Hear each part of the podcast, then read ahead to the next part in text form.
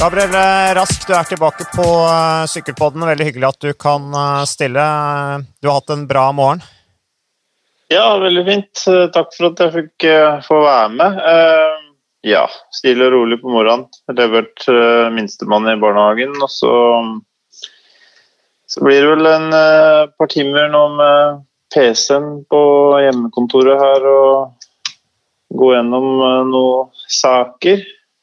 For jeg regner med det er litt sånn hektisk eh, for dere i eh, støtteapparatet i Injos. Eh, hvordan er dagene nå frem mot en mulig oppstart av sesongen igjen? Det er jo planlegging av den nye kalenderen. Det blir jo veldig hektisk i perioder. Det er jo perioder som det er fem program på samme dagen, nesten. Så Eh, vi jobber med løpskalenderen for uh, rytterne. Og uh, støtteapparatkalenderen, egentlig. Prøver å få alt til å gå opp. Og så er det jo Vi har et visst antall faste ansatte, og så har vi noen frilanser som vi bruker når det er veldig hektisk. Så det er liksom å, å identifisere de, de punktene i kalenderen som blir veldig veldig hektiske. og så Samtidig så må man tenke litt på man vil ha litt friskt støtteapparat til Tour de France og til Grand Tours um, generelt. Ja, hva mener du med friskt støtteapparat? At dere henter inn nytt blod, eller hva tenker du på da? Nei, at vi passer på at de får en pause. ikke sant? Vi har jo da vi har jo forskjellige streamer inn mot uh, Tour de France og inn mot Giro Italia, hvor F.eks. Tour de France-streamen vår er uh, Okitani, Tulla, Dauphiné uh, og så Tour de France. Uh, hvis du da gjør alt det pluss uh, recons, så er du nesten to måneder på reisefot. da. Um, og det er klart at da siste ti dagene i Tour de France så så er ikke lunta så veldig lang på mange. Skiller Injos seg litt ut fra på en måte noen mindre lag, sånn som kanskje du og jeg kjenner sykkelsporten fra vår tid, da, på 90, begynnelsen av 2000-tallet, at det er litt mindre rovdrift på støtteapparatet nå, at man tenker helhet i forhold til at de skal prestere også i større grad enn tidligere? Ja, ja. Både ja og nei. Ja, ja det er det. Men uh, samtidig så så er de, de, altså de får kjørt seg det støtteapparat. Det er jo noen av de som har over 200 reisedager i løpet av året, liksom, og da, det er jo på grensa av det. Uh, så, men uh, det er jo som de fleste av oss som driver med dette, vi er jo uh, veldig engasjert og elsker sporten, på en måte. Så, så det er jo en, en en kjempefin jobb uh, når man er på løp, og så er det uh, seigt å være så mye borte fra familie, da. Mm. Men uh, Gabriel, nå er det jo i år så er planen at du skal gjennomføre ditt første Tour de France. Du har jo Som rytter så kjørte du giroen. Du kjørte vel Spania rundt òg, gjorde du ikke? Jo, jeg har kjørt giroen et par-tre ganger, og så har jeg kjørt Spania tre eller fire ganger. Da. Og nå så skal du til eh, Tour de France som en av direktørene i Injøs. Injos. Hvor i eh, systemet under Tour de France er du? Hvem er det som egentlig er førstedirektøren der? Ja, det blir meg da, som er førstedirektøren. Så mm, det er jo da jeg som har hovedansvaret for alt taktiske og, og egentlig holde alle bitene på plass nå i planleggingsfasen. Og um, sørge for at vi kommer så preparert som mulig til Tour de France. Alle er uh, innforstått med uh, hva vi tenker uh, taktisk, hvordan vi planlegger. og analysere hele Tour de France nå med hva som er de store utfordringene, når du kan tape tid, når, hvilke etapper som er avgjørende i sammendraget, og hvordan vi kan vinne med Eh, hvordan vi kan vinne. Det er jo et ganske stort uh, steg opp, Gabriel. Du har jo vært uh, Du var med å vinne Milano San Remo, uh, blant annet. og Og nå plutselig er du i Tour de France, på en måte det største av det største. Du blir jo sett på som en veldig ressurs på en måte, Kanskje spisskompetansen din er jo klassikeren, og nå plutselig er du i Tour de France. Sover du godt om natta nå, eller kjenner du litt på ansvaret? ja, nei, jeg Jeg går jo og tenker på turen veldig mye. jeg gjør det på scenarioer og og forskjellig. Så forskjellige etapper og alt det der. Men det tenker jeg er bare bra. Og så For det er jo en del av forberedelsesfasen. Det er ikke sånn at man jeg tror ikke man kan sette seg ned og så sette av tre timer og nå skal jeg forberede meg. Liksom. Man kan gjøre det, men, eh, men det er liksom tanker som dukker opp når man er ute og går en tur eller sykler eller sykler til barnehagen med Mini eller eh, sånn, liksom, som er viktig å skrive ned når man kommer hjem. og, og sånne ting i tillegg. Men uh, Så du noterer ned underveis, altså hvis du får ideer? Du går på en måte og konstant tenker på dette her? Når du har en eller annen idé, så noterer du det ned? Ja, jeg gjør på en måte det. Mm.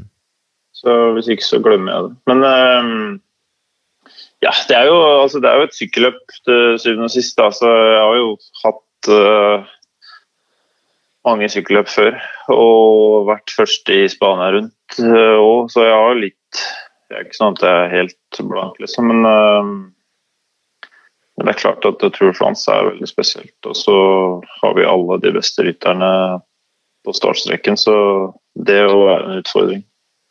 Hva kan du si om, uh, om uh, Injos-uttaket til Tour de France? Uh, vi har jo sånn noenlunde klart for oss. Altså, vi har jo en bruttotropp som uh, vi tenker. Og så er det vel kanskje en ni-ti mann som er aktuelle. Men vi er ikke ferdig med den prosessen der. Og så blir det jo litt annerledes i år i og med at vi ikke har noe Vi har ikke så mange løp. Det har ikke vært en vårsesong og en, eh, en mai måned liksom, hvor vi kan se, følge formutviklinga så godt. Så men nå har vi eh, de flesteparten av Eller noen av gutta reiser til eh, Isola eh, på søndag. 14 dager i høyden der. Og så planlegger vi en eh, høydesamling på Tenerife for uh, Tour de France-gjengen uh, i juli. Uh, så de blir nok all den dataen vi får derfra, og de rapportene fra treneren Carrison derfra eh, blir veldig viktig. Det gjør det, for det, altså, De har jo vært eh, på Tenerife i eh, ja, jeg vet ikke, de siste ti åra eller ni åra på Tenerife i forkant av Tour de France. Og all den dataen han har i forhold til tester i bakker og se de i forhold til hverandre og sånn, eh, det blir veldig viktig. Men blir det da et annerledes Tenerife-opphold enn tidligere. Altså at det blir et uh, Tenerife-opphold med et visst sånn konkurransepreg.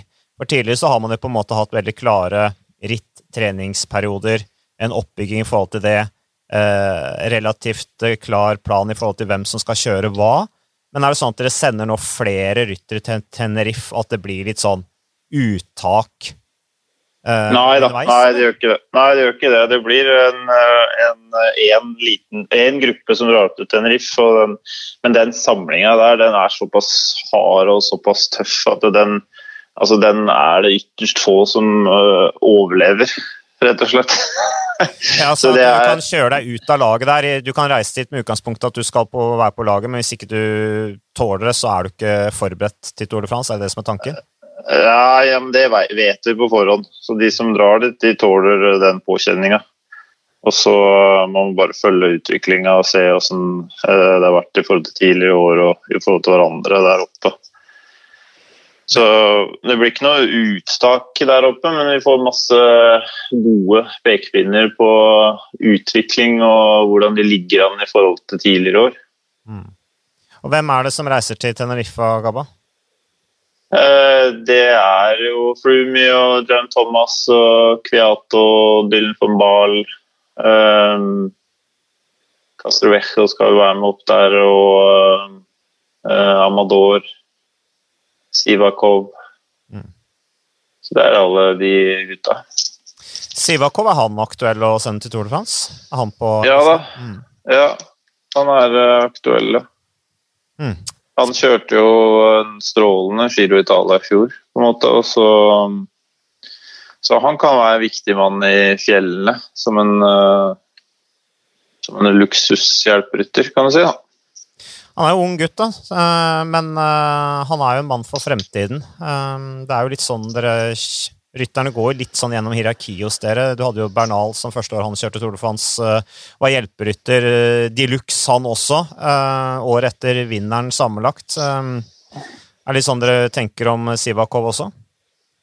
Ja, altså den, lærings, den læringsbiten han får av å kjøre Tour de France med, med John Thomas og Froome og de gutta der, den er Den kan du ikke få noe annet sted. Uh, å kjøre på lag som luksushjelprytter for en som har vunnet Tour de France fire ganger og Spania rundt og Italia rundt, uh, så mye erfaring, hva det gjør i forskjellige situasjoner og sånn, den, den, er gull verdt for Sivakov å ta med seg videre. Så det er på en måte Det er liksom like viktig som Altså det er bedre for han å være hjelperytter eh, et år eller to til enn å kjøre på et mindre lag og ha sine egne muligheter. Mm. Den, det han lærer av det, er uh, utrolig viktig. Mm, ja, det er en oppbygging, uh, ganske sånn tøff uh, Tøft ansvar, men allikevel du slipper unna det der resultatpresset som jo er en utfordring for mange, kanskje, hvis de får det litt for tidlig og litt for mye. Eksempel ja. Tom Dumoulin, for eksempel, som jo ikke orka mer av det der eh, eneansvaret som han hadde i eh, Team Sunweb, i hvert fall det han har uttrykt i, i, i media. Men, ja. men Gabriel, du Egan Bernal han skal altså ikke til Tenerife? Nei, han er i Colombia og kommer til å være der så lenge som mulig. Før, før det begynner med løp 1.8, så han kommer til Europa i slutten av juli.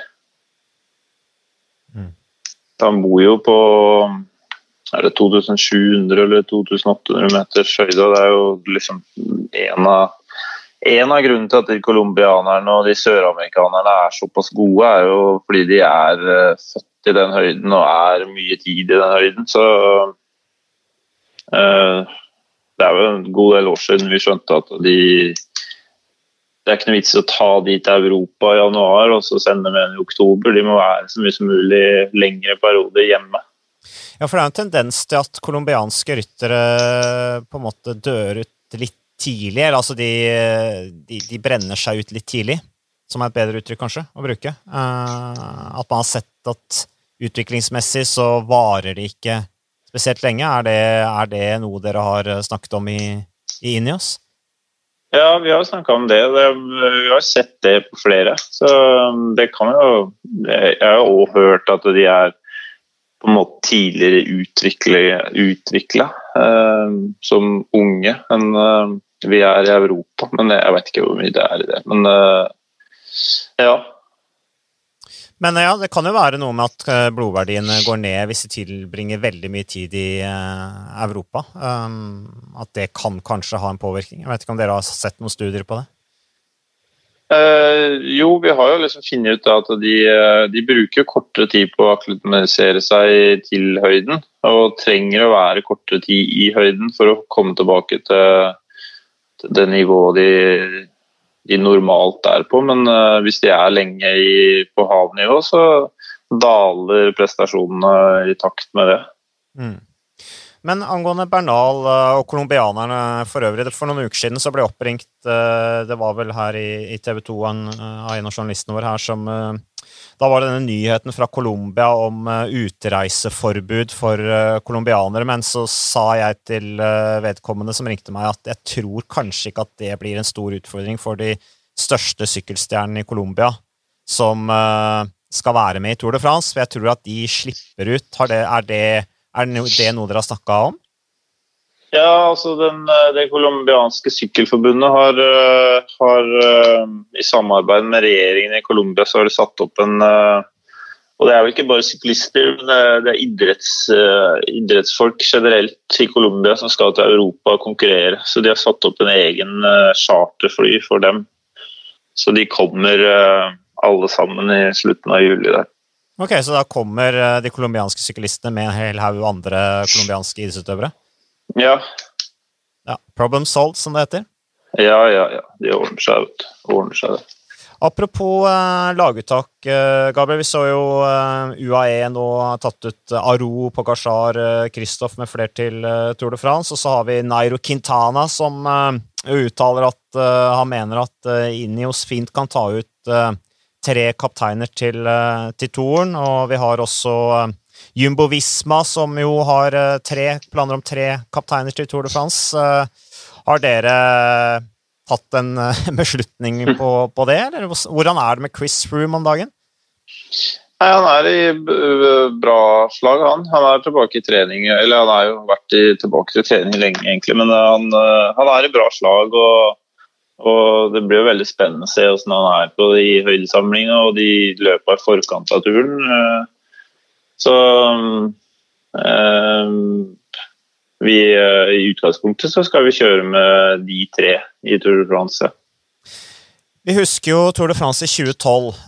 Da var det jo Bradley Wiggins og Chris Froome. Eh, og slik jeg har forstått det, så var ikke det utviklet det seg til å ikke bli sånn veldig kjærlig forhold mellom de. Jeg vil anta at det til en viss grad preget stevningen underveis i løpet av de tre ukene. At det, de kanskje ikke var så glad i hverandre, at det ble en uh, liten sånn kniving internt om uh, om hvem som var den egentlige kapteinen, var jo egentlig ingen tvil, men Chris Froome viste jo virkelig styrke der, og truet jo på mange måter Bradley Wiggins.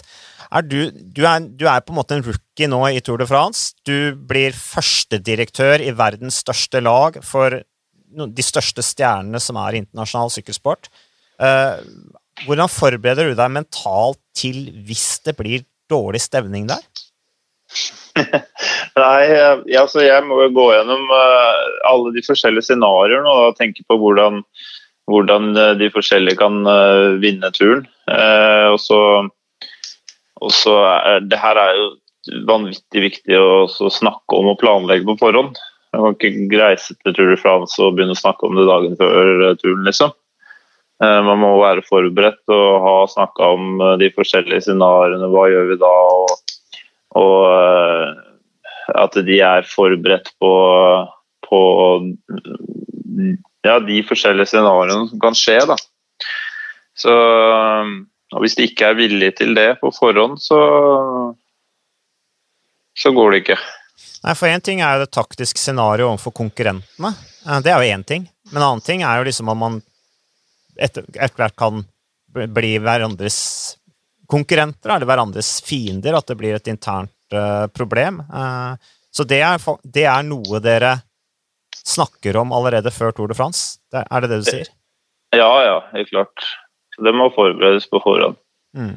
Og så må vi se på altså man, man, må jo må ikke bare fokusere på det negative, liksom. Må jo fokusere på det positive, hvordan vi kan hvordan vi kan styre løpet til at det blir et uh, positivt uh, scenario for oss. Da. Ja, for dere har et vanvittig lag til Tour de France igjen i år. Um, og det må dere jo. Det blir jo et eksepsjonelt, kanskje hardt Tour de France i år. Det blir viktigere kanskje enn noensinne. Det er det flere sportsdirektører som sier, blant annet. Jeg, vi kan vel kanskje påstå at giroen får et kanskje enda tydeligere B-preg i år enn det da tidligere overfor Tour de France, fordi Tour de France blir så viktig i år. Um, ja, det kan godt være det. Det er jo, um, ja, det er jo spennende Tour de France med altså Det er jo ikke Det, det starter jo Nice, og allerede der så er det liksom Vinner jo ikke turen i Nice på de etappene der, men det er etapper som, kan, eh, som det kan skje veldig mye på. Veldig stressende etapper på de veiene der. Sånne små flåklippa veier. Så du kan på en måte tape Tour de France allerede de første to dagene. Um, og så er det en del etapper sånn i slutten der, 6, 7, 8 og 9 før første hviledagen, som er som er sånn uh, Allan Philippe-etappe, liksom, som du kan ta Kanskje ta fem sekunder her og ti sekunder der, men uh, altså uh, små små, små sekunder. Men det er jo først og fremst siste uka av turen som det virkelig, virkelig biter på, liksom. Colombier før den siste hviledagen og, og de tre dagene etter den siste hviledagen og tempoen til slutt. Hva syns du om løypa, egentlig? Jeg regner du har satt deg ganske godt inn i den per nå? Nei, du har jo på en måte på en måte alt, da. Det er jo litt mer sånne Det er litt mer eh, eh, etapper enn, eh, enn, det var i fjor. Altså Det er vel seks flatetapper i år, da, og så er det I fjor var det vel sju. Og så er det seks som er litt sånn småkuperte etapper. I fjor var det fem, så det er en mindre. Eller en mer i år, da. Um, åtte fjelletapper i år, i fjor var det sju. Det er én fjelletappe mer. Um, men så er det en summit finish uh, mindre i år enn det var i fjor. Fire stykker, hvorav to av dem er på en måte sånne korte ja, sånn type Alain Philippe um, fjellavslutninger, da, sånn fire kilometer eller uh, fem kilometer. Og så har du tempoen som er så må planlegges nøye hva man gjør, da, for det, det, er jo opp til eh, med bakke til slutten. Hva er det den heter, den bakke? Um, plan Phil, er det det der? Um, så da er det spørsmål om man skal bytte sykkel i bånn av den bakken eller kjøre tempo. Den ligner litt på VM, kan sammenligne litt med VM i Bergen, tempoen der. Hvor Dumoulin vant, og han bytta jo ikke sykkel. Nei. Nei, det er uh, mange ting som skal uh, forberedes. Bare litt tilbake til dette med Du er jo opptatt av selvfølgelig det positive, ikke sant? at dere har et fantastisk uh, lag. og Vi ser bare mer og mer tendenser nå til at flere lag velger å komme med flere kort. og at det er en luksussituasjon. Men hvem er det som på en måte tar seg av de samtalene med Chris Room, Garen Thomas, Egan Bernal? Er det sir Dave Brailsford, eller er det en av dere direktørene som skal være der nede i det daglige underveis i Tour de France? som tar den alvorspraten med de? Nei, altså nå altså Når vi kommer til Tour de France, så skal det jo ikke være noe sånn alvorsprat igjen, egentlig. Så, men, eh, men eh, sånn nå i forkant, så, så er det jo Garrison, treneren, Dave, jeg og treneren til Egan Barnal eh, som har den kontakten med dem, på en måte. Så det er jo utrolig viktig at vi er samstemte. Mm. Hvem tenker du er den eh, største eller de største utfordrerne deres til eh, årets eh, Tour de France, ut fra det lille vi vet om, om årets sesong? da, Hva som har vært gjennomført av ritt osv. Hvor godt følger dere med på hva de største utfordrerne deres gjør nå, f.eks.? Men kan ta først hvem dere ser som de største utfordrerne? Ja, nei, du har jo eh, Roglic og Dumoulin og Kreuzvik i Jumbo Visma som eh, De har jo tatt steg opp i Jumbo Visma, og de, eh, de kommer nok veldig forberedt uh, og planlagt godt. Um, og så har du sånn som Pogokar og alle de der, da. så det er, det er ganske mange, egentlig. Du nevnte Ala Filip. Hva tenker du om han? Ja, det er, det er, eh, han kan jo eh, være farlig igjen, han altså. Så mm, Men vi vil nok ikke gi han sånt et stort forsprang igjen. Det var liksom på grensa i fjor. Han var jo ekstremt sterk òg, da. Måten han kjørte fra på, på disse tidlige Det var vel inne i champagneområdet der. Det var jo ikke så veldig mye man kunne gjøre med Altså, man kjørte jo det man hadde bak. Alaphilippe ja. var jo bare så sterk. Han var bare helt rå. Ja. ja. Så han, kan, han, kan, bli skummel han, på den løypa her.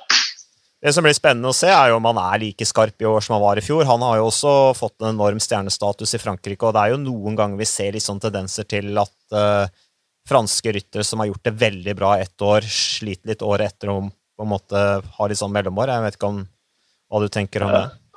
Nei, det er vanskelig å si. Altså, jeg er nok mer redd for Pinot f.eks. enn uh, Alain Philippe i sammendraget, tror jeg.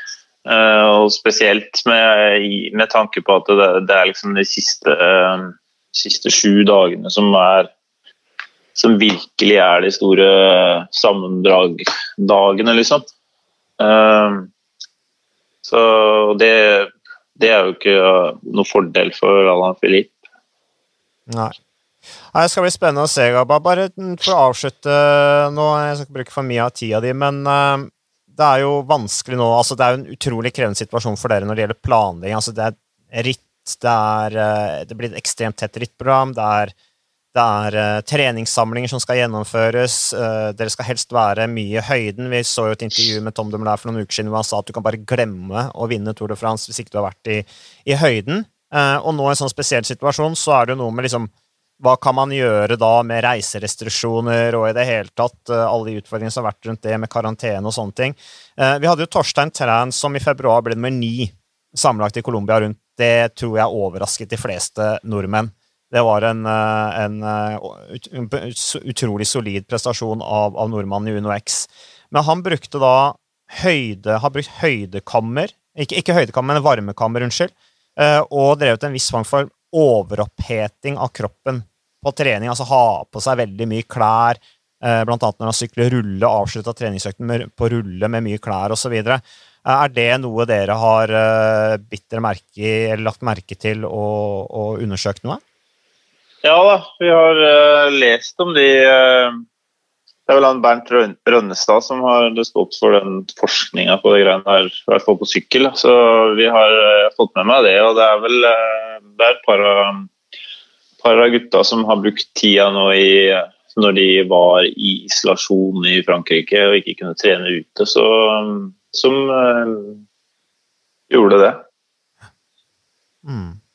Så det er men det er veldig vanskelig å måle effekten av det når man uh, på en måte ikke kjører løp, tror jeg. For det er veldig små marginer da, som at det blir bedre eller Men uh, ja, helt klart. Torstein kom jo uten konkurranser i beina til uh, Nå var de fleste relativt ferske når de kjørte Colombia rundt i februar. Det var ikke mange som hadde konkurrert. men Han hadde ikke konkurrert når han da, men han takla jo den Altså, han tok den akklimatiseringen, den høyden, ekstreme høyden, utrolig bra. Uh, så et eller annet må han ha gjort på forberedelsessiden som, som er riktig, og noe av det skal visstnok ha vært Eller dette høydekammeret, da, og denne uh, varmemanipuleringen som, som, de drev med. Så det er jo interessant i forhold til produksjon av, av røde blodlegemer.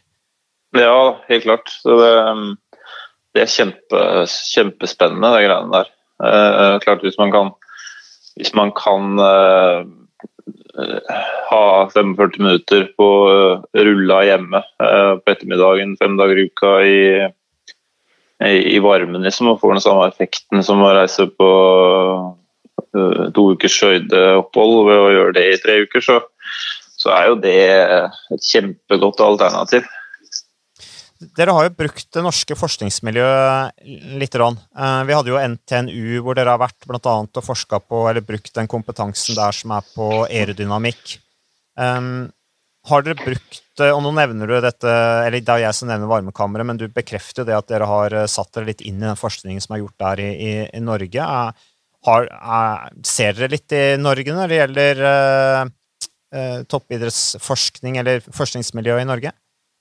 Ja, altså vi har brukt NTNUI på, på aerodynamikk, og det er, mest, eh, det er mest stoffer, eh, tempstrakter og sånne ting.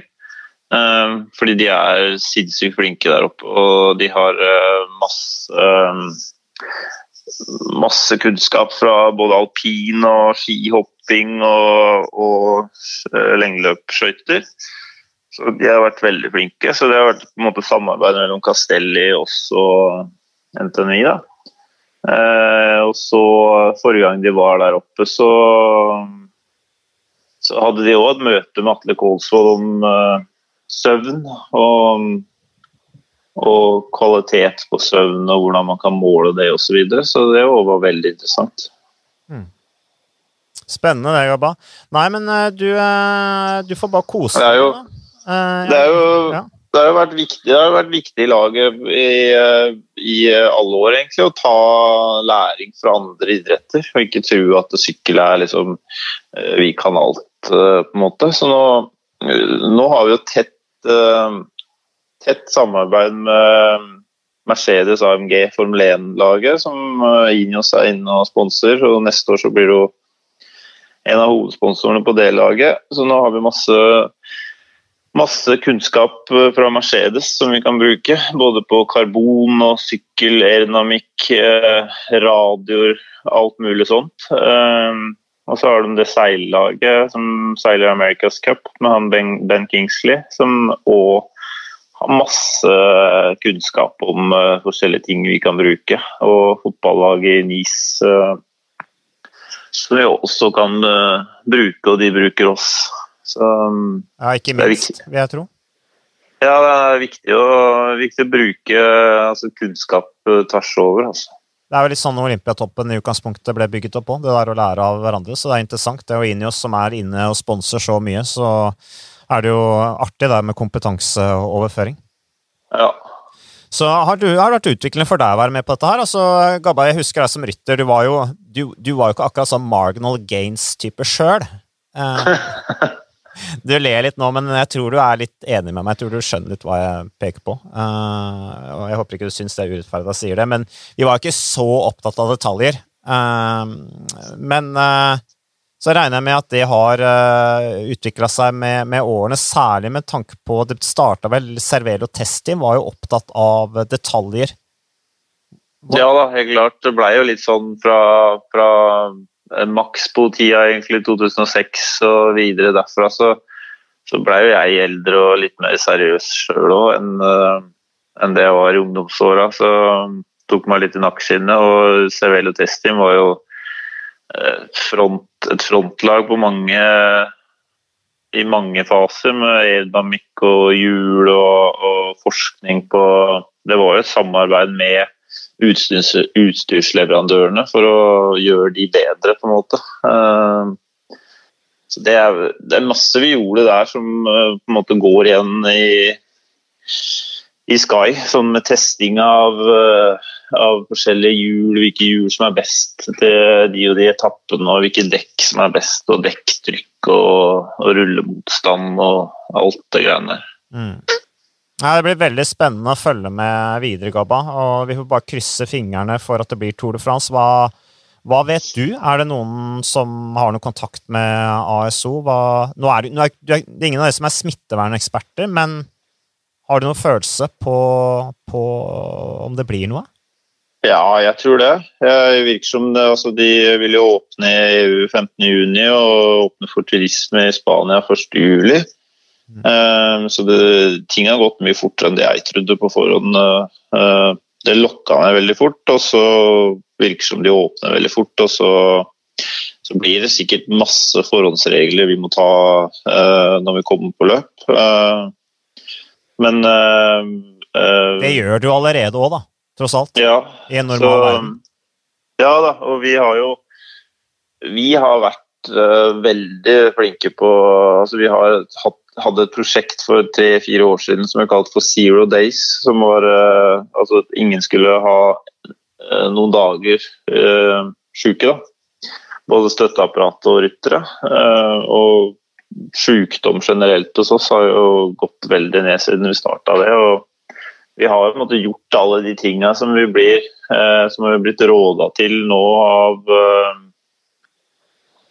av regjeringen eh, til å gjøre. Med vasking av hender og antibac og uh, alt det der. Liksom, og håndtrykk og sånn, det slutta vi jo med for flere år siden. Så det liksom alt det greiene der uh, har vi på en måte gjort. Mm. Um, og nå må vi være enda flinkere på det, da. Men um, det blir jo helt sikkert masse forhåndsregler som blir satt av uh, de forskjellige arrangørene. Um, og det er litt, litt, problematisk at UCI ikke tar litt mer føring på hvordan ting skal være. og sånn. Det ble liksom litt lagt opp til uh, av de forskjellige arrangørene av de forskjellige løpa. Men vi har fått altså Eh, Burgos, som starter 28.07, er eh, de, eh, de, har fått klarsignal for at det skal være sykkelløp. Så jeg har trua på at det blir Tour de France. Ja, og at det begynner i Frankrike med Buketani 1.8. Det er veldig gøy, så det blir veldig bra. Så jeg, jeg holdt på å avslutte deg i stad, Gabba, og så plutselig så bare fortsatte du å prate om Marginal Gains, som er ditt nye hjertebarn. Eh, så, Ja. eh, så det er bra. Men du får jo bare slappe godt av du nå, da. Du er jo flink til å koble av, du lar deg jo ikke stresse. Det er kanskje derfor de har eh, tatt deg til Tour de France, fordi du er litt sånn lugn type. Eh, Bare sånn til avslutningsvis, eh, hvordan blir det for deg å ta av Altså, du kom jo inn nå i Tour de France etter bortgangen til Nicolas Portal. Eh, og vi hadde jo en podkast med, med, med Kurt Asle Arvesen hvor han uh, fortalte litt om hvor han oppfatta Hvor vi snakket om uh, dødsfallet til Portal, og hvor utrolig pliktoppfyllende Portal var. eh, hvor hardt han jobba. Eh, hvordan blir det, Er det litt sånn følelseslada for deg nå å, å komme inn i eh, som førstedirektør i, i Tour de France for Ineos etter Nicolas Portal? Ja, det er spesielt. Det er det, altså. Vi har hatt masse samtaler med både HR eh, um, dama vår og oss imellom eh, hva som Hvilke sider som han hadde, og hva var hans sterke sider og hans svakheter, og hvordan han jobba og sånn, for å, for å bygge videre på det. da. Og så har jeg jo jeg har jo med meg France, så har jeg med meg både Knaben og Sabisandi og Olli Koksen, eh, som eh, har masse erfaring. Og vi sitter jo Selv om det er jeg som snakker Jeg snakker jo radioen i bilen, og det er jeg som har hoved eh, det siste avgjørelsen, på en måte, og må ta avgjørelser veldig kjapt. Så um, kommer jeg til å sitte sammen med Saudi Sandio i bilen.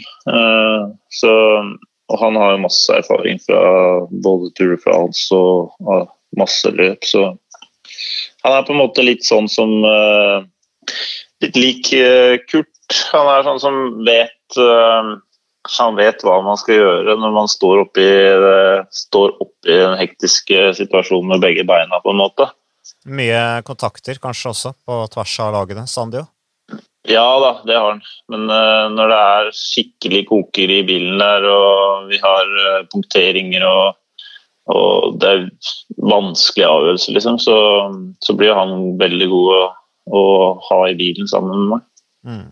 Så det blir konstant to direktører altså, i uh, første bilen?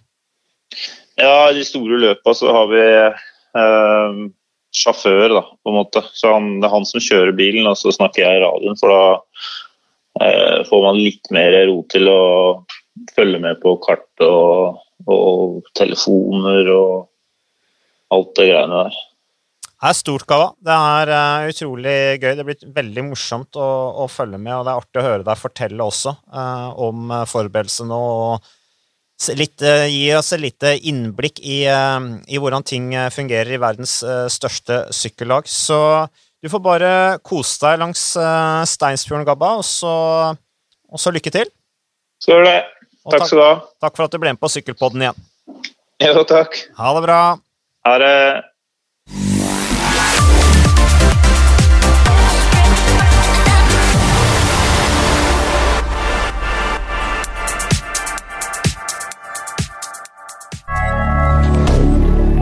Moderne media.